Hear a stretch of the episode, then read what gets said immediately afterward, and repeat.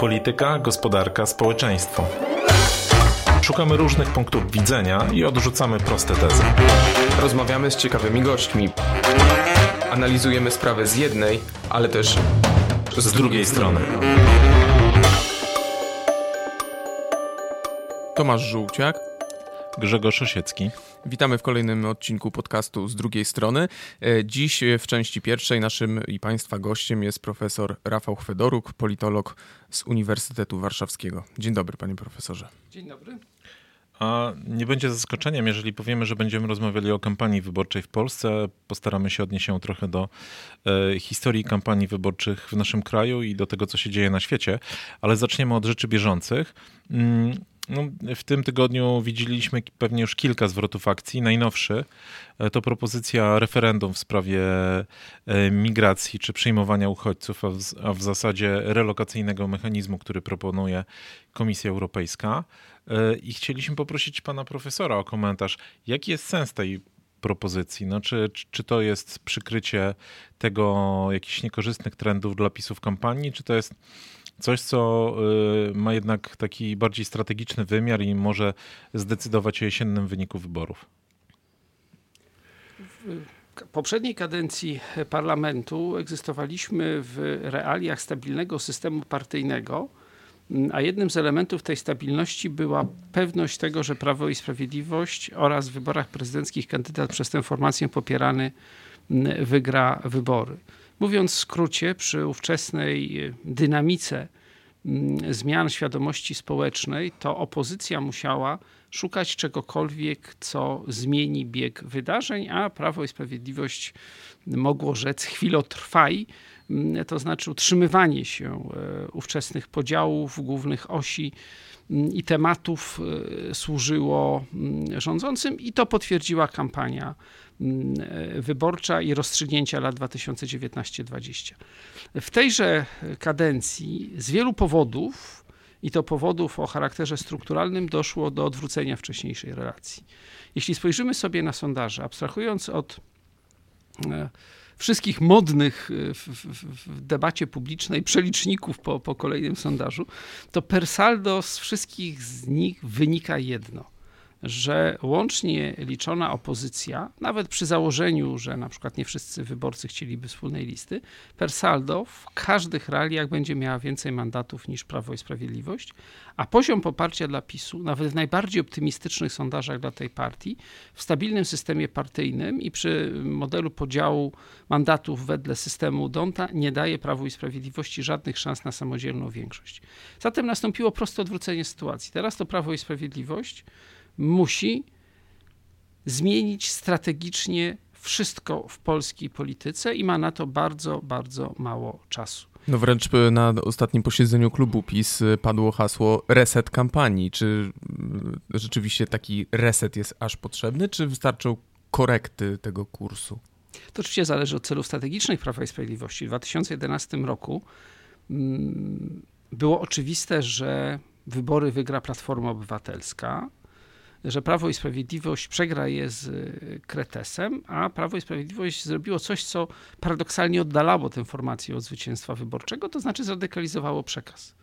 Bardzo wyraźnie postawiło na kartę bipolaryzacji. Mm, Okazało się być to trafnym wyborem, dlatego że oczywiście nie dało to zwycięstwa w wyborach. Być może nawet y, y, mm, zminimalizowało potencjał, który, który Prawo i Sprawiedliwość mogło mieć wśród mniej zainteresowanych polityką wyborców, ale skonsolidowało partię, która zdawała sobie sprawę z tego, że będzie, będą prowadzone próby rozbicia jej od wewnątrz. E, Więc analogicznie teraz, jeśli Prawo i Sprawiedliwość chce utrzymać zwartość swojej formacji, to zaostrzanie przekazu w istocie ma tutaj pewien sens. Wybory zostaną przegrane, ale PiS pozostanie jako partia, a wiadomo, że ten, kto będzie rządził w Polsce od jesieni tego roku, będzie miał olbrzymie problemy ze względów obiektywnych, sytuacja gospodarcza i tak dalej. Ale Natomiast oczywiście, jeszcze mogę, jeśli mogę tylko dokończyć, trochę to wszystko przypomina mm, sytuację pomiędzy obiema turami wyborów prezydenckich w 2015 roku, kiedy Bronisław Komorowski niespodziewanie, no, uzyskując dużo słabszy mm, wynik niż się spodziewano w pierwszej turze, przedstawił propozycję referendum, między innymi w sprawie, w sprawie Jowów, które wszyscy odebrali raczej jako akt desperacji. No i teraz w, w przypadku Prawa i Sprawiedliwości mamy do czynienia z całą serią takich prób zwrotu akcji. Ta komisja do spraw wpływów rosyjskich i, i kwestii ewentualnego referendum i tak dalej. Możemy tylko się zastanawiać, na ile jest to próba zmiany dynamiki kampanii, a na ile jest to próba bipolaryzacji, zradykalizowania przekazu, przy świadomości tego, że, że nic się tym y, w kontekście walki o zwycięstwo nie zyska. Ale to, jak rozumiem z tego, co pan mówi, to znaczy, że PiS, y, zgodnie z pana jakby interpretacją, no już po, położył kreskę na, na ewentualnie rządach przyszłej kadencji i raczej szykuje się do albo do scenariusza, w którym władzę przejmie opozycja i przyjdą przyspieszone wybory, albo po prostu nie będzie tych przyspieszonych wyborów i będzie walczył w, w wyborach prezydenckich i ewentualnie potem o ponowną reelekcję. Nie bierze pan pod uwagę, że no, tak naprawdę PiS może grać na rząd koalicyjny, albo nawet na... Bo jak rozmawiamy z politykami tego ugrupowania, to oni liczą, no, jeżeli dostaniemy ponad 200 głosów, no to to uzbiera się. To się coś tam. uzbiera, tak? To tam to, to będzie pole do gry z Konfederacją, z posłami poszczególnych ugrupowań. E, mamy prezydenta, to się większość uzbiera. A cóż innego mogą mówić zawodowi politycy w trakcie kampanii wyborczej, która realnie trwa od lata ubiegłego roku, a formalnie będziemy ją niedługo już obserwować. Inny komunikat wysyłany przez takich polityków natychmiast demoralizowałby struktury Mm, e, partyjne powodowałby, że część zaplecza mm, rządzącej formacji zaczęłaby w większym stopniu myśleć o swojej własnej przyszłości niż o przyszłości wspólnoty politycznej, w której funkcjonuje. No i wreszcie także oczywiście mm, e, ostatecznie odstraszałoby to wielu wyborców, a i z mobilizacją wyborców PiS ma przecież olbrzymie problemy, co pokazywały różne cząstkowe wybory samorządowe w zeszłym roku. Nawet nie chodzi o sam poziom wyników, to jest rzecz bardzo relatywna, lokalna społeczność, często niska frekwencja i tak dalej. Mm, ale nawet, nawet w takich realiach e, często PiS uzyskiwał wyniki dużo niższe od jakiejkolwiek kampanii wyborczej w standardowym terminie mm, e, prowadzonej, więc, więc absolutnie bym się nie przejmował tymi subiektywnymi e, komentarzami. W dziejach polskiej kampanii wyborczych nieraz zwraca uwagę to, że im mniejsza partia, mniejsze szanse na zwycięstwo, tym bardziej buńczuczne zapowiedzi mm, ostatecznego, ostatecznego triumfu. Natomiast teraz, gdy polityka jest profesjonalizowana, to, to Mm, rzadko słyszymy wypowiedzi pełni spontaniczne, żywiołowe w wykonaniu mm, polityków. Z reguły jest to jakoś tam przenicowane przez e, sztaby partyjne.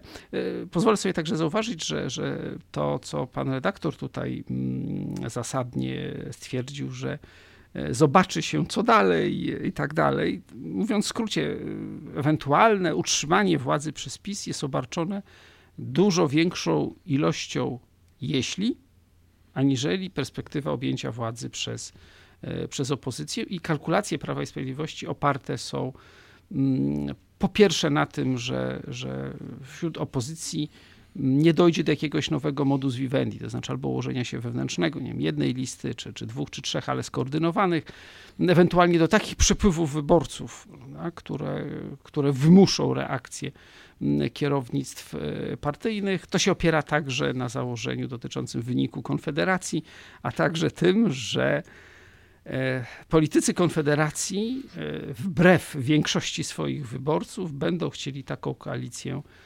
zawrzeć. Więc ja bym stwierdził tak, że moim zdaniem to, co chce uczynić Prawo i Sprawiedliwość, to bez względu na to, czy miałoby dalej rządzić, czy utracić władzę, to jest raczej doczekanie do zmian w przestrzeni międzynarodowej, zwłaszcza zmian w Stanach E, Zjednoczonych w obecnej sytuacji, jakby samotność międzynarodowa polskich władz aż bije w, w oczy i na poziomie europejskim, i na poziomie globalnym. To, to, jeszcze, zanim przejdziemy do sytuacji na opozycji, to jeszcze ja mam pytanie odnośnie mm, do PiS. E, jest, mam wrażenie, coraz bardziej powszechny taki pogląd, chociażby wśród publicystów, obserwatorów sceny politycznej, no, że nie idzie PiSowi, że ta kampania nie idzie, jest słaba, jest e, reaktywna, brakuje e, świeżych pomysłów. To jest tak naprawdę podkręcanie tych już dobrze znanych pomysłów, czyli na przykład przejście z 500 na 800, plus, e, czy rozszerzenie, tak naprawdę rozszerzenie, nie utworzenie na nowo programu darmowych leków. No i teraz zastanawiam się, z czego to wynika. To znaczy, co się stało, że ta dobrze naoliwiona maszyna, ten taran z którego PiS przecież zasłynął, nagle coś tam zaczął się jakiś piach w tryby wsypywać. Czy to jest kwestia e, takiego partyjnego mentalu, że działamy rutynowo, jesteśmy przekonani święcie, że po prostu nie mamy z kim przegrać, mm, nie doceniamy przeciwnika, czy to jest może efekt e, e, tych wewnętrznych, frakcyjnych wojenek prowadzonych w, ramach tego wielkiego reganowskiego namiotu, jaki widzi premier Morawiecki jako Zjednoczoną Prawicę? W świecie anglosaskim bardzo silna jest tendencja analizowania polityki przez czynniki indywidualne, jednostkowe, psychologiczne yy, i tak dalej, leadership. Ja jednak pozwolił sobie pozostać bardziej na kontynencie i, i szukać czynników makrostrukturalnych związanych z, z życiem społecznym, gospodarką, mm, systemem partyjnym i tak dalej, a nie tylko z, z, tym, czy, czy, czy, czy spin doktorzy biorą tyle pieniędzy, ile biorą słusznie, prawda? Czy, też, czy też na wyrost. Po pierwsze, już wieczór wyborczy w, po ostatnich wyborach parlamentarnych, e, a więc wieczór, który przyniósł największy triumf PiSu w dziejach tej partii, tak przy bardzo wysokiej frekwencji, cechowała jedna bardzo charakterystyczna rzecz. Bardzo ambiwalentne oceny w samym PiSie w wyniku wyborów, dlatego że te wybory pokazały strukturę demograficzną elektoratu tej partii jako swoisty odwrócony trójkąt. To znaczy, im starsza grupa, tym większy odsetek głosów na PiS. Nawet jeśli to się troszeczkę zrelatywizowało, 50-latkowie są tam bardzo mocno reprezentowani w strukturze wyborczej, to było jasne, że Prawo i Sprawiedliwość poziomu poparcia nie będzie zdolne utrzymać. To zresztą dotyczyło wielu różnych partii w różnych częściach świata, także, także w naszej części mm, Europy, choćby rumuńska socjaldemokracja, która otrzymywała jakieś niebotyczne procenty, rzędu 50 w niektórych kampaniach wyborczych, popierana głównie przez najbiedniejsze regiony Wołoszczyzny na południu, zachodniej Mołdawii, na wschodzie, na wschodzie Rumunii, no też tak trochę przygasała, jest dalej największa, współrządzi i tak dalej, no ale ma zdolność koalicyjną, czego się nie da powiedzieć najpewniej o, o Prawie i Sprawiedliwości. Drugi taki czynnik jakościowy, który zdarzył się w minionej kadencji, to oczywiście była kwestia aborcji. E, ona w połączeniu z, z, innymi specyficznymi okolicznościami, na przykład to, że, że to był czas kwarantanny i tak dalej, że, że olbrzymia część obywateli odczuwała pewną niestandardowej rzeczywistości, a wielu młodych ludzi po prostu nie miało co z sobą, e, co z sobą zrobić.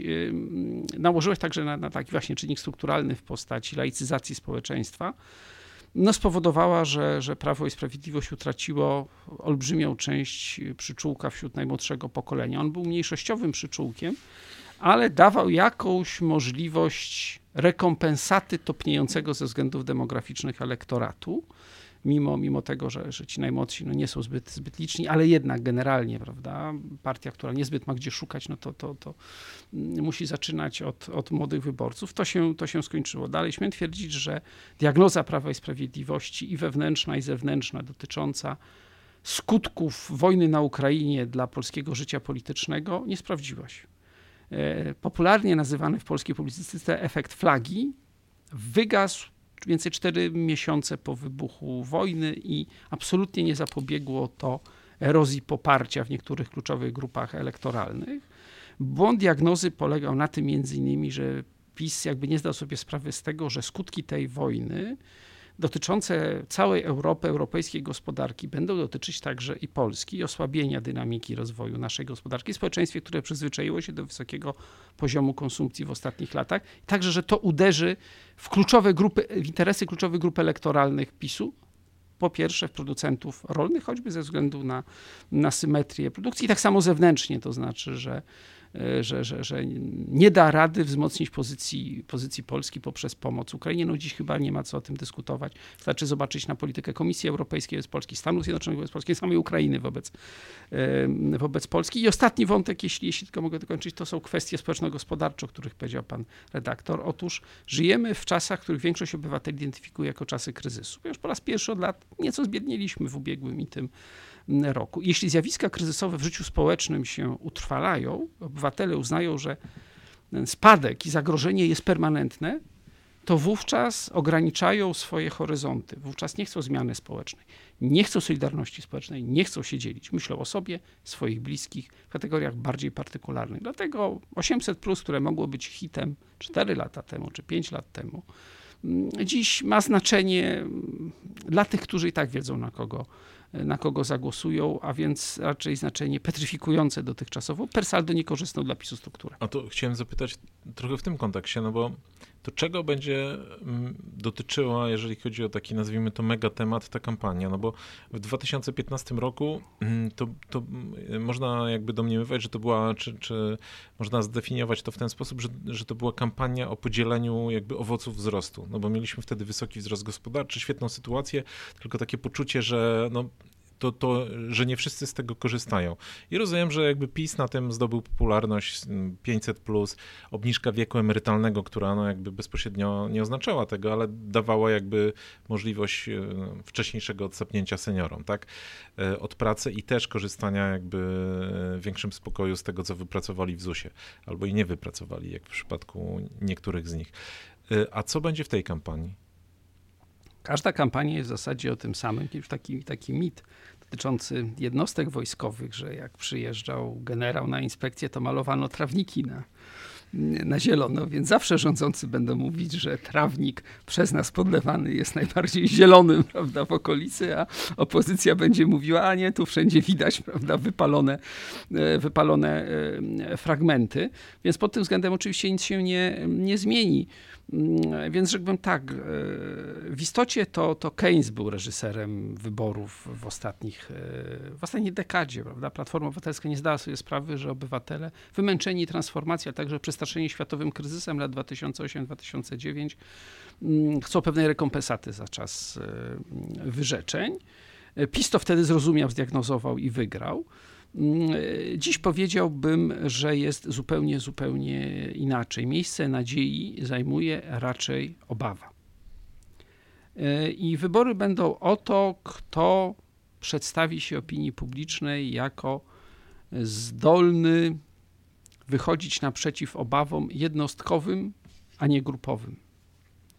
E, mówiąc w skrócie, kto w większym stopniu będzie zdolny przeprowadzić przez trudne czasy bezpiecznie gospodarkę, bezpiecznie z perspektywy danego człowieka, jego najbliższych, a nie z perspektywy wiem, grupy zawodowej czy regionu, z jakiego no, ale to on jest. Patrząc tak jakby na osiem ostatnich lat, no to PiS z jego zamiłowaniem do interwencjonizmu, że jak tylko pojawiał się jakikolwiek problem, to natychmiast był specprogram albo tarcza, albo coś, no wydaje się powinien być premiowany przy tego typu dylematach wyborców.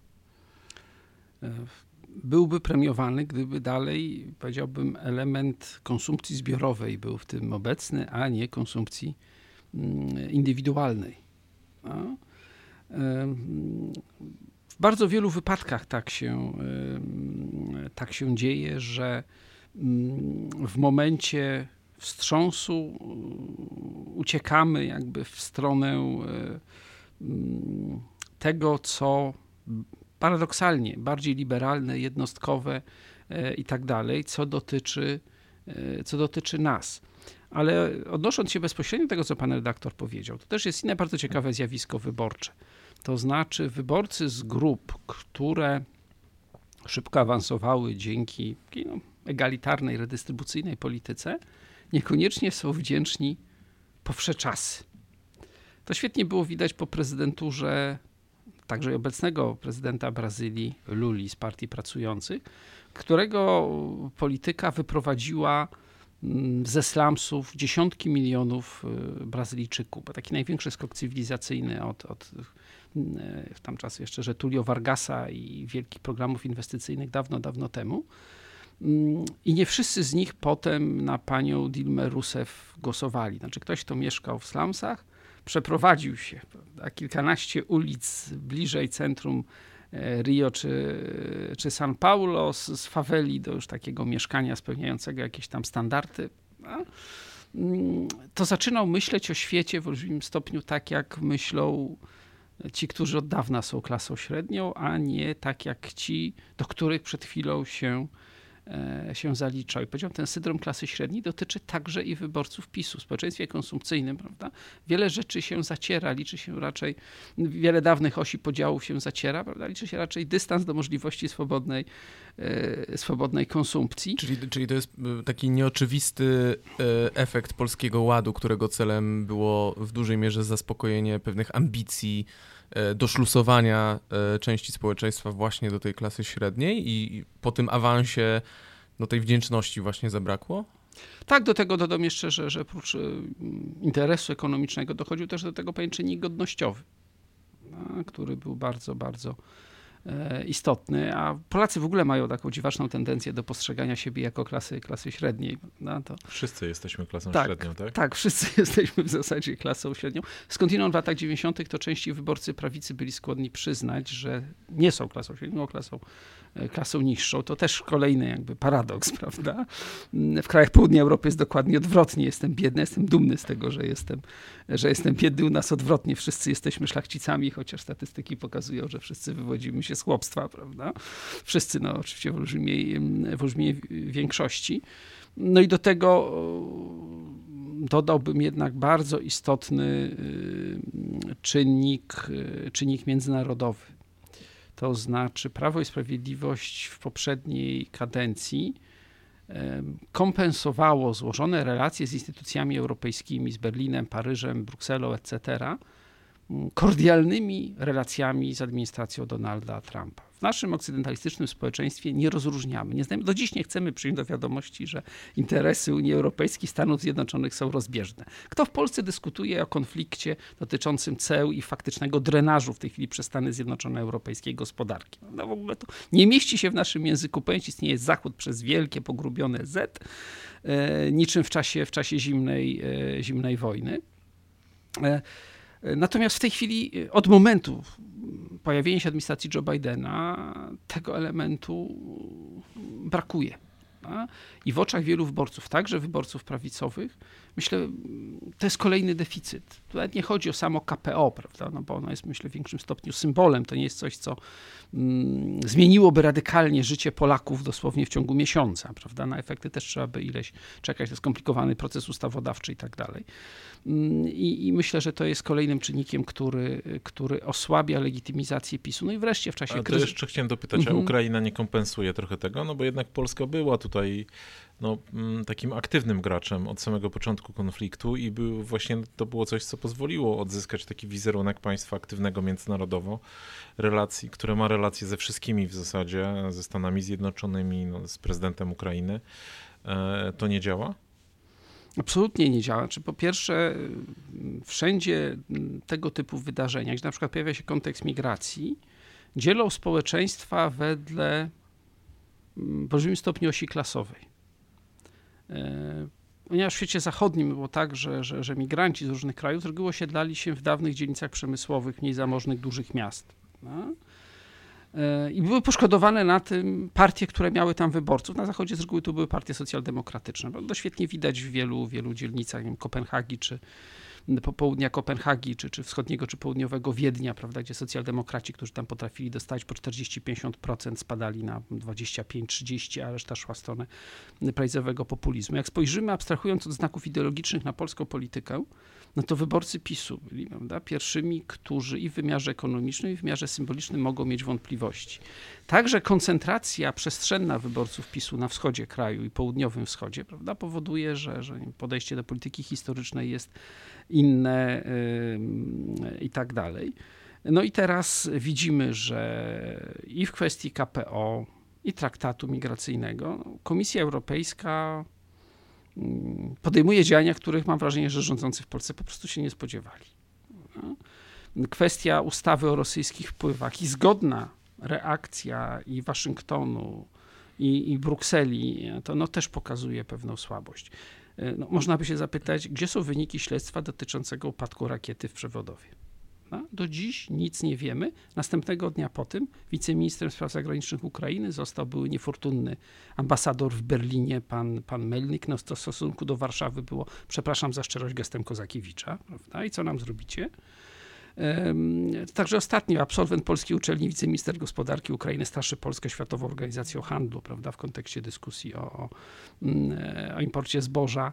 No już nie mówiąc o polityce historycznej, prawda, gdzie, gdzie po prostu polscy ministrowie, nawet bywający na Ukrainie, byli wręcz bombardowani symboliką ukraińskiej powstańczej e, armii, e, czy też no, w lipcu ubiegłego roku, w lipcu, podkreślam, ubiegłego roku, gdy toczyła się wojna w Białej Cerkwi, największym mieście obwodu kijowskiego y, mm, ustanowiono y, mm, ulicę y, jednego z oficerów SS Galicjen a tuż przed jakby u nas obchodami Powstania Warszawskiego. To, to realnie pokazuje prawda, pozycję, e, pozycję Polski w stosunkach międzynarodowych, a nie poklepywanie po plecach i, i artykuły w, w, w, zachodnich gazetach, bo to jest tylko soft power, a soft power odgrywa rolę tylko wtedy, jeśli, no że tak powiem, twarde interesy za tym, za tym stoją. To jeszcze zanim przejdziemy do opozycji, chciałem o jedną rzecz zapytać, o tą, od której zaczęliśmy ta propozycja referendum w sprawie migracji, no ona ma swój taki doraźny efekt kampanijny, ale czy pana zdaniem ona y, może jakby jakoś nieoczekiwanie zagrać w kampanii? To znaczy, czy, czy to może być tak, że PiS jakby chcąc y,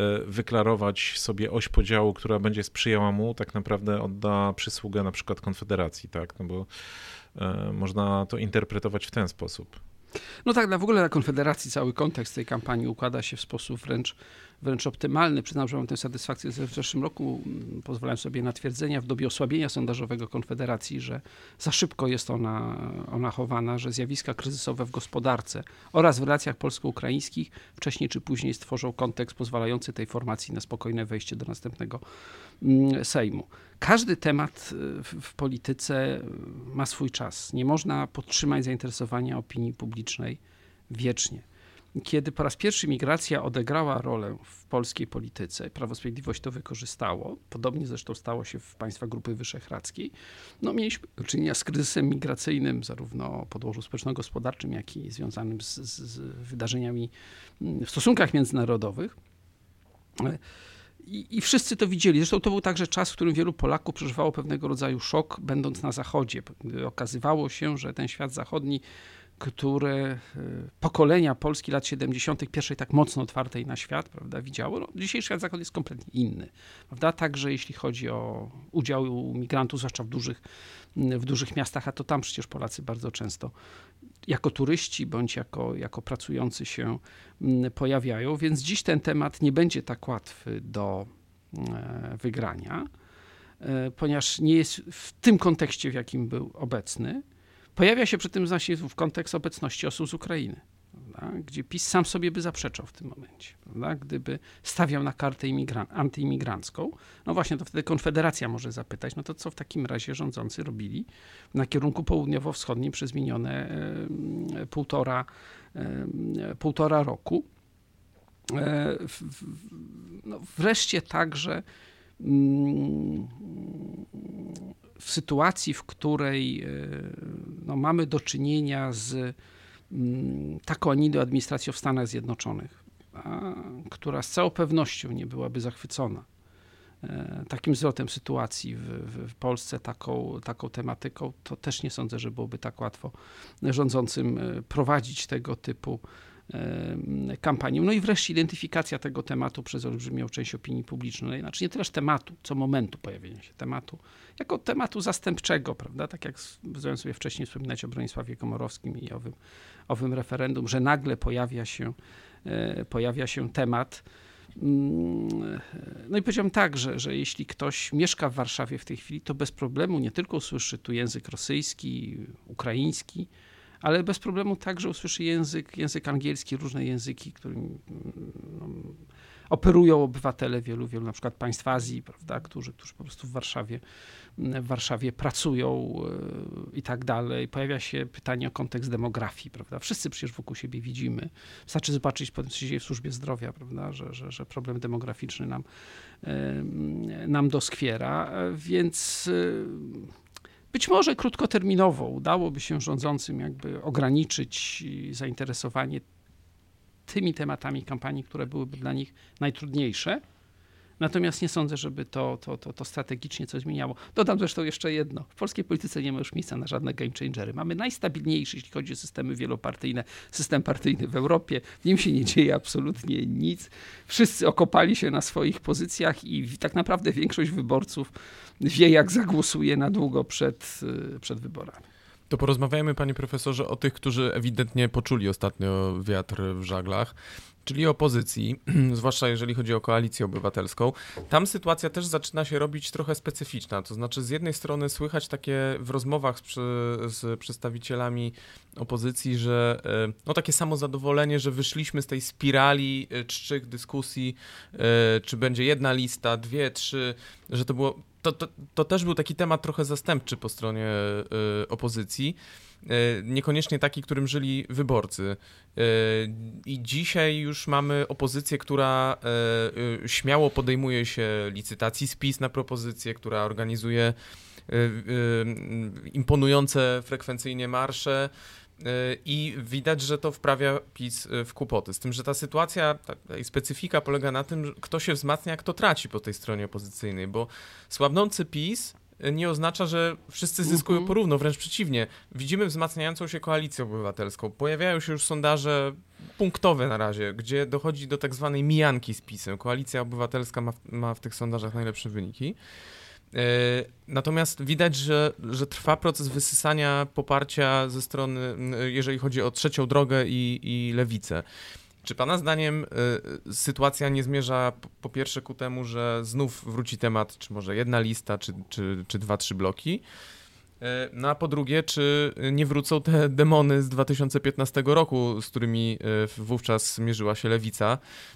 Czyli no co jeżeli temu sojuszowi Kosiniaka i Hołowni zacznie zagrażać oscylowanie wokół 8% progu wyborczego? Czy oni wtedy Pana zdaniem prędzej przytulą się do e, koalicji obywatelskiej, do Donalda Tuska, czy, czy, czy jakieś inne pomysły mogą im przyjść do głowy? Mhm. Fenomen polskiej polityki polega na tym, że w zasadzie opozycji nie przybyło. To znaczy ona trwa od 2015 roku. Mm, e, jest to możliwe między innymi dzięki temu, że w jej elektoracie nadreprezentowane są grupy o tradycyjnie mm, wysokiej partycypacji wyborczej. Więc mieszkańcy większych miast, dysponujący cenzusem wykształcenia i, z reguły w strukturze społecznej, no, nie sytuujący się na, na nizinach. I to, co nie wystarczyło do walki z prawem i sprawiedliwością w ostatnich wyborach, starcza teraz po prostu dlatego, że ze względów strukturalnych PiS stracił. Opozycja jest na swój sposób w komfortowej sytuacji, ponieważ w zasadzie całą swoją aktywność może poświęcić na mówieniu, dlaczego nie powinno się głosować na PiS, a nie, a nie w jakim celu należałoby głosować e, na nas. Ale nie dostrzega pan jakiejś takiej zmiany jakościowej, jeżeli chodzi na przykład o prowadzenie kampanii? Czy, bo e, często słyszymy też takie zapewnienia od polityków opozycji, że zobaczcie, jesteśmy dużo bardziej aktywni, gryziemy trawę, e, wyjazdowe posiedzenia klubu, spotkania, konwencje, y, no, że tworzone jest przynajmniej takie wrażenie, że opozycja znalazła ten przepis na wygranie wyborów i zaczyna go wdrażać, implementować i, i, i że idzie jej super. Opozycja dysponuje tak potężnymi zasobami, że, że mm, docieranie do opinii publicznej nie powinno być większym, y, większym problemem. Nie moim zdaniem akurat kontekst samej, samej kampanii nie jest tutaj, y, tutaj istotny. Mm, sam, e, sam w sobie, ponieważ warto zwrócić uwagę, że, że no właśnie te przetasowania w sondażach są przetasowaniami wewnątrz opozycji. A też tutaj no nie ma prostej recepty, żeby tych wyborców... Nie, niezdecydowani, no to, to co z nimi? To na kogo oni zagłosują? Czy tak na, na mhm. wszystkich, czy po prostu podzieli się równo? E, tak naprawdę e, nie ma jednej grupy o nazwie niezdecydowani.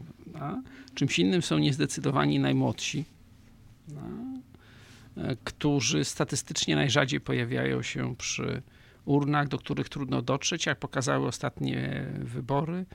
Nie do końca odnajdują się w dychotomii głównych partii, byli nadreprezentowani w elektoratach Konfederacji i Lewicy. Niezdecydowani często to także osoby bierne społecznie. mm, często starsze wiekiem, żyjące w mniejszych miejscowościach, nieufne wobec życia publicznego. Do wielu z nich PiS wcześniej dotarł. Stąd między innymi kilka miesięcy temu taką dyskusję przy próbach zmiany prawa wyborczego dotyczącą przykład dowożenia na osób, które mają z tym problem do, do punktu głosowania. Nam to przestrzeń czasami odgrywa rolę, prawda? Że, że, że w tych miejscach, gdzie jest dalej do komisji wyborczych, takim osobom starszym wiekiem i tak dalej, mm, trudniej jest e, zagłosować. Mm, plus y, nieliczne grupy wyborców wahających się, choć akurat wahających się pomiędzy PiSem a Platformą, to, no to ostatnio mieliśmy do czynienia przy okazji podnoszenia wieku, wieku emerytalnego, później już te transfery mm, przeszły do, mm, do przeszłości. Każdy polityk zawsze będzie mówił tak, że tutaj jest frekwencja za niska, trzeba przyciągnąć do urn yy, i tak dalej, ale tak nie ma tak naprawdę w żadnym społeczeństwie. Prawda? Nawet tam, gdzie są obowiązkowe formy głosowania, to też nie jest tak, że 100% ze strachu przed, przed karą finansową idzie i, i głosuje. Natomiast e, to wszystko tworzy mm, w istocie, tu się zgadzam z, z, ze słowami mm, mojego przedmówcy, skomplikowaną rzeczywistość dla mniejszych partii opozycyjnych. Nie dlatego, że one są mniejsze, ale dlatego, że wielu ich wyborców miało już w swoim CV jako wyborcy doświadczenie głosowania na platformę. Dobry wynik ludowców w egzotycznej koalicji w ostatniej kampanii był możliwy dzięki masowemu napływowi do niej dawnych wyborców Platformy, a także Lewicy. No, taki umiarkowany, dystyngowany styl uprawiania polityki okazał się być względnie atrakcyjny. Analogicznie z lewicą, prawda, gdzie przepływy pomiędzy Platformą a lewicą zawsze były jednym z głównych czynników reżyserujących polską politykę od 2005 e, roku. I nie ulega dla mnie wątpliwości, że wewnątrz i koalicji Trzecia Droga, i wewnątrz lewicy e, interesy są odmienne. Wielu, zwłaszcza młodszych, debiutujących w Sejmie, posłów i posłanek wolałaby zapewne start samodzielny, wiedząc, że na wspólnych listach z profesjonalnym aparatem Platformy Obywatelskiej no, zminimalizuje swoje szanse na reelekcję. Natomiast na przykład wielu posłów czy posłanek, które związane są silnie z, z regionem, z lokalnymi strukturami na przykład PSL-u czy dawnego SLD, no nie chciałoby psuć lokalnych koalicji, prawda, które, które no, zawsze są koalicjami z Platformą e, Obywatelską, więc ja się zgadzam w zupełności, dyskusja o jednej liście wcale się nie, E, nie skończyła, choć optymalny czas na jej zawarcie zapewne właśnie, e, właśnie mija. No i w tym kontekście powiedziałem tylko tyle, że nazwa Trzecia Droga tuż przed marszem Donalda Tuska i tą Komisją w sprawie wpływów e, rosyjskich, no chyba, chyba nie była dobrze, dobrze dobrana. A to ja chciałem zapytać, no, zakładając ten scenariusz, o którym pan mówi, że ta opozycja ma większe szanse na zwycięstwo, to jak będzie wyglądało e, potem e, tworzenie rządu i jaki, na ile ten rząd będzie stabilny? No bo mm, w przypadku PiSu mieliśmy dwie kadencje no, de facto samodzielnej większości, chociaż z mikrokoalicjantami, e, aczkolwiek de facto mamy teraz taki rząd trochę mniejszościowy.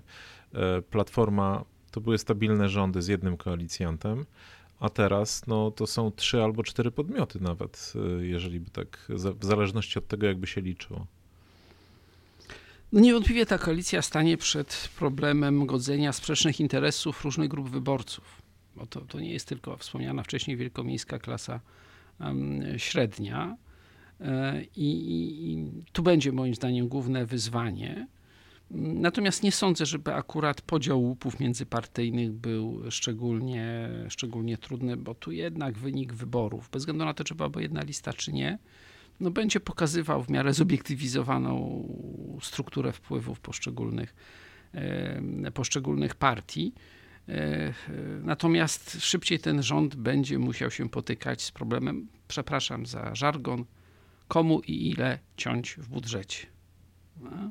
Jesteśmy krajem, który, przypomnę, zamierza zbudować cztery elektrownie atomowe, tak. dokonać transformacji energetycznej. Kupić tysiąc czołgów. Tak, e, wybudować dziesiątki CPK. drogi są, tak, wybudować CPK, mm, odbudowywać e, mm, e, Ukrainę no, Pałac Saski jawi się jako prawda, small business. No to są waciki, natomiast tak, tak. cytując klasyka ze znanej komedii, czy klasyczka raczej, natomiast, natomiast faktycznie, no, a, a czy to jest taki scenariusz, znaczy na ile kolejnemu rządowi będzie trudno i co będzie z prezydentem?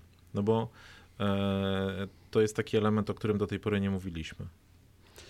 No, powiem tak, że obecna głowa państwa w ostatnich tygodniach zrobiła dużo, żeby wszyscy o niej zapomnieli i traktowali ją w kategoriach przymijającego e, prezydenta.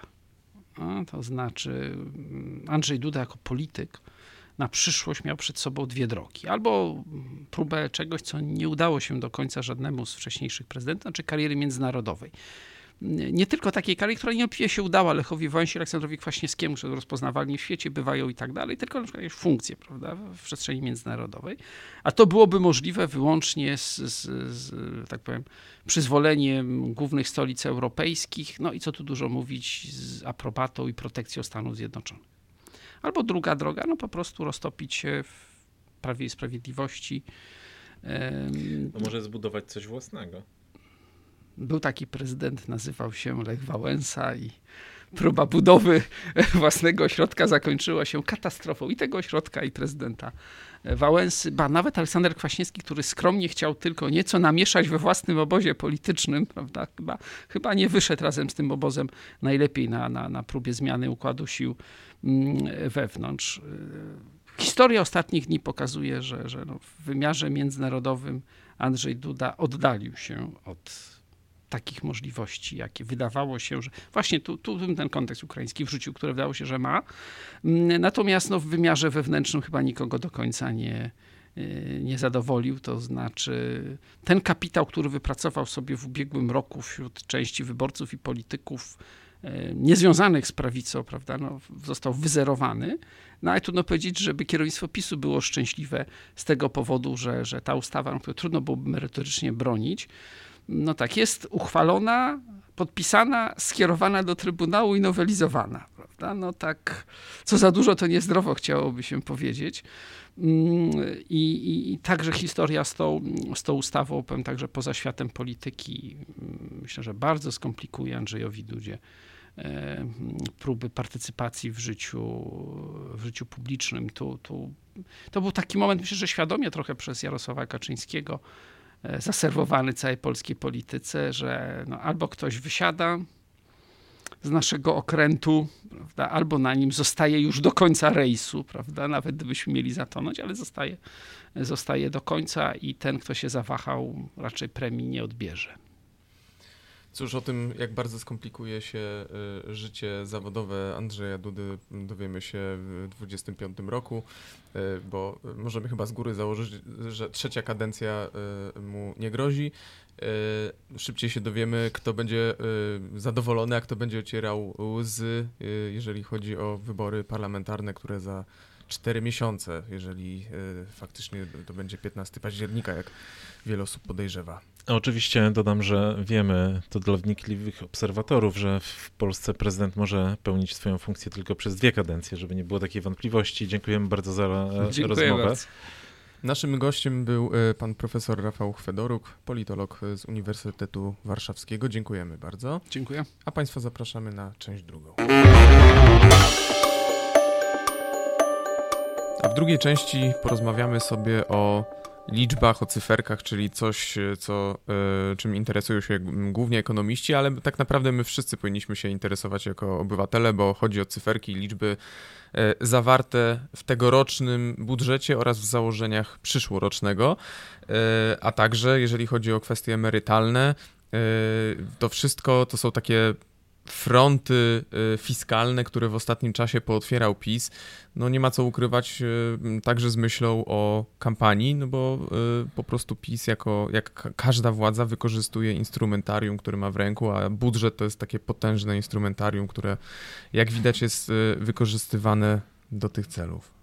No tak, nie da się ukryć tylko, że jak w wielu innych sferach, czy w wielu innych przypadkach, to, co robili poprzednicy, to e, PiS wynosi na zupełnie nowy poziom, bo w 2015 roku pamiętam, że e, ówczesna koalicja PO-PSL dyskutowała nad różnymi wyborczymi gestami i czymś takim, takimi Himalajami wówczas wydawało im się tak zwane kosiniakowe, czyli jakby zasiłek dla kobiet, która, znaczy Yy, czyli yy, pieniądze dla tych kobiet, które nie mają E, zasiłku macierzyńskiego, bo nie były w pracy, mhm. E, więc one miały być też jakoś chronione i to była kwota kilkuset czy ponad miliarda złotych z tego, co kojarzę w tej chwili. To dzisiaj to jest naprawdę... No właśnie, bo to jest... Śmieszna kwota. Mieliśmy, mieliśmy nowelizację budżetu i wprawdzie rząd zdecydował, że dochody w tym roku będą mniejsze o 3 miliardy, ale za to wydatki będą większe o 21, więc jakby to, to świadczy o skali tego ruchu. E, co więcej, no w dużej części to jest ruch taki no, motywowany wyborczo. Y, albo jakoś tam rekompensujące pewne niedostatki, bo 14 miliardów to, to są pieniądze dla samorządów, które mają im zrekompensować y, zmiany w podatkach dochodowych tak naprawdę, ale są też tam inne pozycje i wśród nich są wypłaty dla pracowników sfery budżetowej, w tym nauczycieli z okazji Dnia Edukacji Narodowej. 250-lecie powstania Komisji Edukacji Narodowej. No tak, a z tego co kojarzę, to zdaje się, jest to wszystko w okolicach tam... Ponad począt... 1000 złotych. Tak, ale chodzi mi że czasowo to jest początek października, jeżeli dobrze rozumiem, czyli e, nauczyciele, będzie taki dziwny zbieg okoliczności, że pewnie dostaną wypłaty e, jakiś tydzień, a może dwa 14 października. przed, przed wyborami, więc e, no to już nikt nie za bardzo kryje się z tymi wyborczymi kwestiami, a jednak to, co się dzieje z budżetem, no to pokazuje, że mimo tego, że to są wybory, to gdzieś tam jakieś problemy mogą być, tak? No bo e, to, że dochody będą niższe, to z jednej strony wynika e, z tarczy antykryzysowej, tarczy antyinflacyjnej, która była, będzie przedłużona, no ale po co rząd w takim razie aż tak bardzo podwyższa wydatki, to jest jedna wielka zagadka. No, gdybyśmy y, tak przekrojowo spojrzeli sobie na te grupy, którym rząd dosypuje, to tam są, tak jak powiedziałeś, sędziowie, y, budżetówka, nauczyciele, samorządy to są grupy, w których, no umówmy się, PiS jakiejś specjalnie dużej furory nie robi. Y, I to wygląda trochę jak właśnie jak taki przedwyborczy gest, y, w ramach którego PiS y, szuka nowych łowisk, Raczej próbuje się przypo przypodobać nowym grupom. Albo być może po prostu rozmasować się, tak mówiąc, w przenośni. No zwłaszcza, zwłaszcza jeżeli chodzi o samorządy, bo tak jak wspomniałeś, gro tej E, kwoty, która jest zawarta w tej nowelizacji, 14 miliardów złotych, no to jest z myślą o samorządach. I e, PiS, no widać, że z, z takiego incydentalnego manewru zastosowanego pierwszy raz pod koniec 2021 roku, potem powtórzony jeszcze pod koniec roku 2022, no, w, robi to samo w tym roku i w, powoduje, że właściwie ten y, system, ta taka proteza y, y, finansowa staje się stałym elementem finansowania władz lokalnych w Polsce. No, czasem te pieniądze są oznakowane jako dodatkowe dochody w PIT, E, teraz to ma być uzupełnienie subwencji ogólnej. No i w, w, mamy e, teraz taką dyskusję o tym, jak te pieniądze podzielić. Premier Morawiecki e, przedstawił niedawno algorytm oraz skutki, jakie on przyniesie w zakresie podziału tych pieniędzy, i to wywołuje bardzo żywe dyskusje w samorządach. I to samo w sobie też jest dosyć sprytnym manewrem, bo PiS wchodzi klinem pomiędzy samorządy. On potrafi bardzo skutecznie żonglować tymi nastrojami pomiędzy samorządowcami i w tym momencie, dokonując takich transferów, no, antagonizuje y, poszczególne grupy samorządowców. To znaczy, y, mamy z jednej strony duże miasta, które krzyczą, że są dyskryminowane, które pokazują, że to są, mm, że te ubytki nie są rekompensowane w pełni, a z drugiej strony mamy przedstawicieli gmin wiejskich na przykład, którzy mówią, że bardzo dobrze, że te półtora miliona złotych to jest takie minimalne, to jest taka minimalna kwota, która trafi do gmin w ramach tego nowego podziału, to są często pieniądze, które te gminy tak naprawdę nie widziały od dawna albo nigdy. Ja mam, jakbym tutaj jeszcze miał szukać jakichś makiawelicznych intencji, to mogę też trochę wysunąć taką teorię, że przy okazji to jest taki gest, który ma pomóc wielu samorządowcom w nadchodzącej kampanii wyborczej, a być może dzięki temu oni będą dużo bardziej wyrozumiali, czy, czy sprzyjali PiSowi. To znaczy, no PiS pewnie stara się wykreować taki wizerunek partii, która dba o tych średnich i mniejszych, w przeciwieństwie do Platformy, e, za czasów której jakby no te finanse opierały się na wpływach podatkowych i na janosikowym.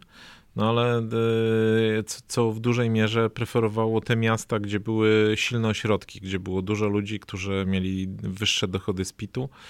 E, natomiast te, te pomysły PiSu idą w zupełnie drugą stronę. Zresztą pisaliśmy też w tym tygodniu o wpływach z ryczałtu, który miałby być podzielony z podatku ryczałtowego, e, bo do tej pory on nie jest. Do tej pory on jest tylko i wyłącznie dochodem budżetu, a nie samorządów i to, to jest podatek, który rośnie na tyle szybko, że gdyby samorządowcy mieli działkę z niego w tym roku, to byliby, byliby bogatsi o około 6 miliardów złotych, a nie są.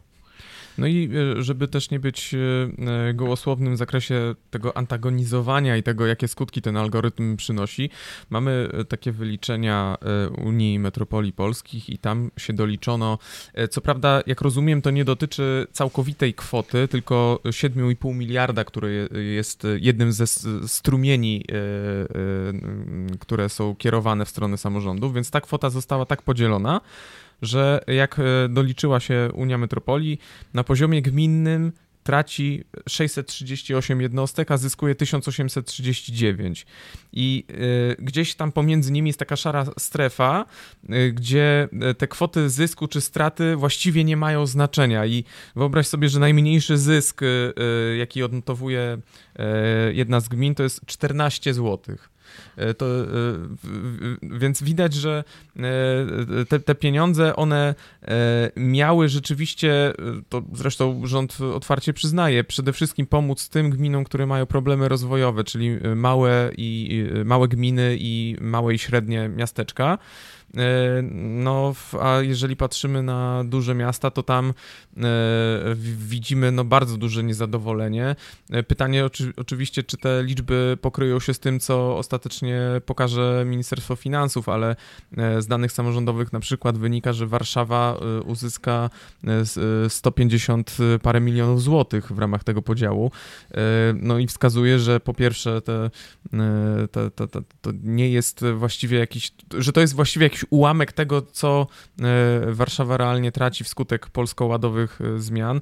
No a po drugie, no to też nie jest kwota, która pewnie robi jakieś e, wielkie wow w sytuacji, w której mamy do czynienia z miastem, którego budżet roczny wynosi około 20 miliardów złotych, więc 150 milionów to jest właściwie jakaś kropelka.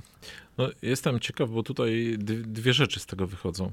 E, jedna to jest taka, że e, na pewno przyszły minister finansów, bez względu na to, jakby z jakiej opcji on będzie, to będzie miał potężny ból głowy. To znaczy w skali całych finansów publicznych. No bo widzimy, widzimy takie rozdymanie budżetu. 800 e, plus to jest obietnica, która została złożona raptem miesiąc temu. I to jest coś, co oznacza dwudziestokilkumiliardowe wydatki i o tyle mają wzrosnąć. Widzimy te dotacje dla samorządów, widzimy różne inne ruchy i jakoś przyszłym roku trzeba to będzie pozbierać. Minister finansów coś będzie z tym musiał zrobić. Ma do tego duże wydatki na zdrowie, duże wydatki militarne. Zobaczymy, jakie obietnice jeszcze wpadną w kampanii, która przecież oficjalnie jeszcze się w ogóle nie zaczęła. We wrześniu pewnie mogą, rząd może sypnąć kolejnymi obietnicami, a po tym, co się działo wiosną, trudno się spodziewać, żeby obietnica, żeby opozycja odstawiła nogę, więc każdy kolejny rząd będzie pod taką olbrzymią presją spełniania tych obietnic finansowych, co w świetle stanu finansów może być bardzo trudne. To jest jedna rzecz. A druga, że jak się patrzy na, no na przykład na ten e, system finansów samorządowych, o którym ty mówiłeś, to wydaje się, że jakby wprowadzając tak naprawdę prowizorkę, to PiS już zadekretował trwałe zmiany. No bo jeżeli mamy taką sytuację, że w tego typu systemie beneficjentami jest prawie 2000 gmin, e, no to ja sobie nie wyobrażam, żeby na przykład kolejny rząd yy, oparł się tylko i wyłącznie na wpływach podatkowych. To znaczy będzie musiał utrzymać jakiś rodzaj subwencji jak i, i znacznie silniejsze niż było wcześniej dotowanie, bo tam w znaczący sposób wzrosły oczekiwania. Więc wydaje mi się, że jakby PiS budując różne rzeczy prowizorycznie, chociaż nie wszystkie prowizorycznie, no bo 500 plus mm, czymś takim nie było. E, rzeczy, które były krytykowane, e, doprowadził do sytuacji, że stworzył nową rzeczywistość w finansach publicznych, tylko na razie wszyscy są w takiej gorączce kampanijnej i nikt jeszcze nie jest w stanie za bardzo ocenić, co wynika z tej, z, z tej sytuacji w finansach publicznych dla kolejnych kilku lat. E, I trochę kończąc ten wątek, no, wspomniałeś o bólu głowy przyszłego ministra finansów. E, no, rzeczywiście to jest trochę tak, że jeżeli mówimy, jest taki sztandarowy postulat, e, zwłaszcza dużych miast, że my nie chcemy znaczonych pieniędzy, my nie chcemy być zależni od dobrej lub złej woli e, tego czy innego rządu, tylko chcemy więcej dochodów PIT. No ale tutaj znów mamy także wskutek zmian demograficznych takie gminy, których ta baza podatników PIT się bardzo kurczy, a za chwilę będzie znikoma. I wówczas no, trudno dosypywać z tytułu czegoś, czego tak naprawdę nie ma. Stąd te, ta potrzeba utrzymywania jednak jakichś poziomów e, subwencji e, ogólnej czy wyrównawczej, no tylko pytanie, czy ten system, który PiS wdraża, nie spowoduje trochę takiego rozleniwienia się gmin. E, ja pamiętam konferencję BGK dla samorządów, na której sam Mateusz Morawiecki był zdziwiony, jak niewielki jest odsetek gmin, które korzystają z funduszy unijnych. E, te dane mówiły o tym, że to 40% wszystkich gmin w Polsce. Premier sądził, czy jak przyznał, że to będzie gdzieś w okolicach 60-65%. Więc pytanie, czy szafując tymi rozwiązaniami finansowymi, e, czasami w mniej, czasami bardziej dyskretny sposób, nie dążymy do modelu, w którym no, ta samorządność będzie coraz bardziej się punktowo przeradzała w takie bieżące administrowanie, żeby nie powiedzieć e, wegetację. I na tym kończymy nasz dzisiejszy podcast. Grzegorz Osiecki i Tomasz Żółciak. Polityka, gospodarka, społeczeństwo. Szukamy różnych punktów widzenia i odrzucamy proste tezy. Rozmawiamy z ciekawymi gośćmi. Analizujemy sprawy z jednej, ale też z drugiej strony.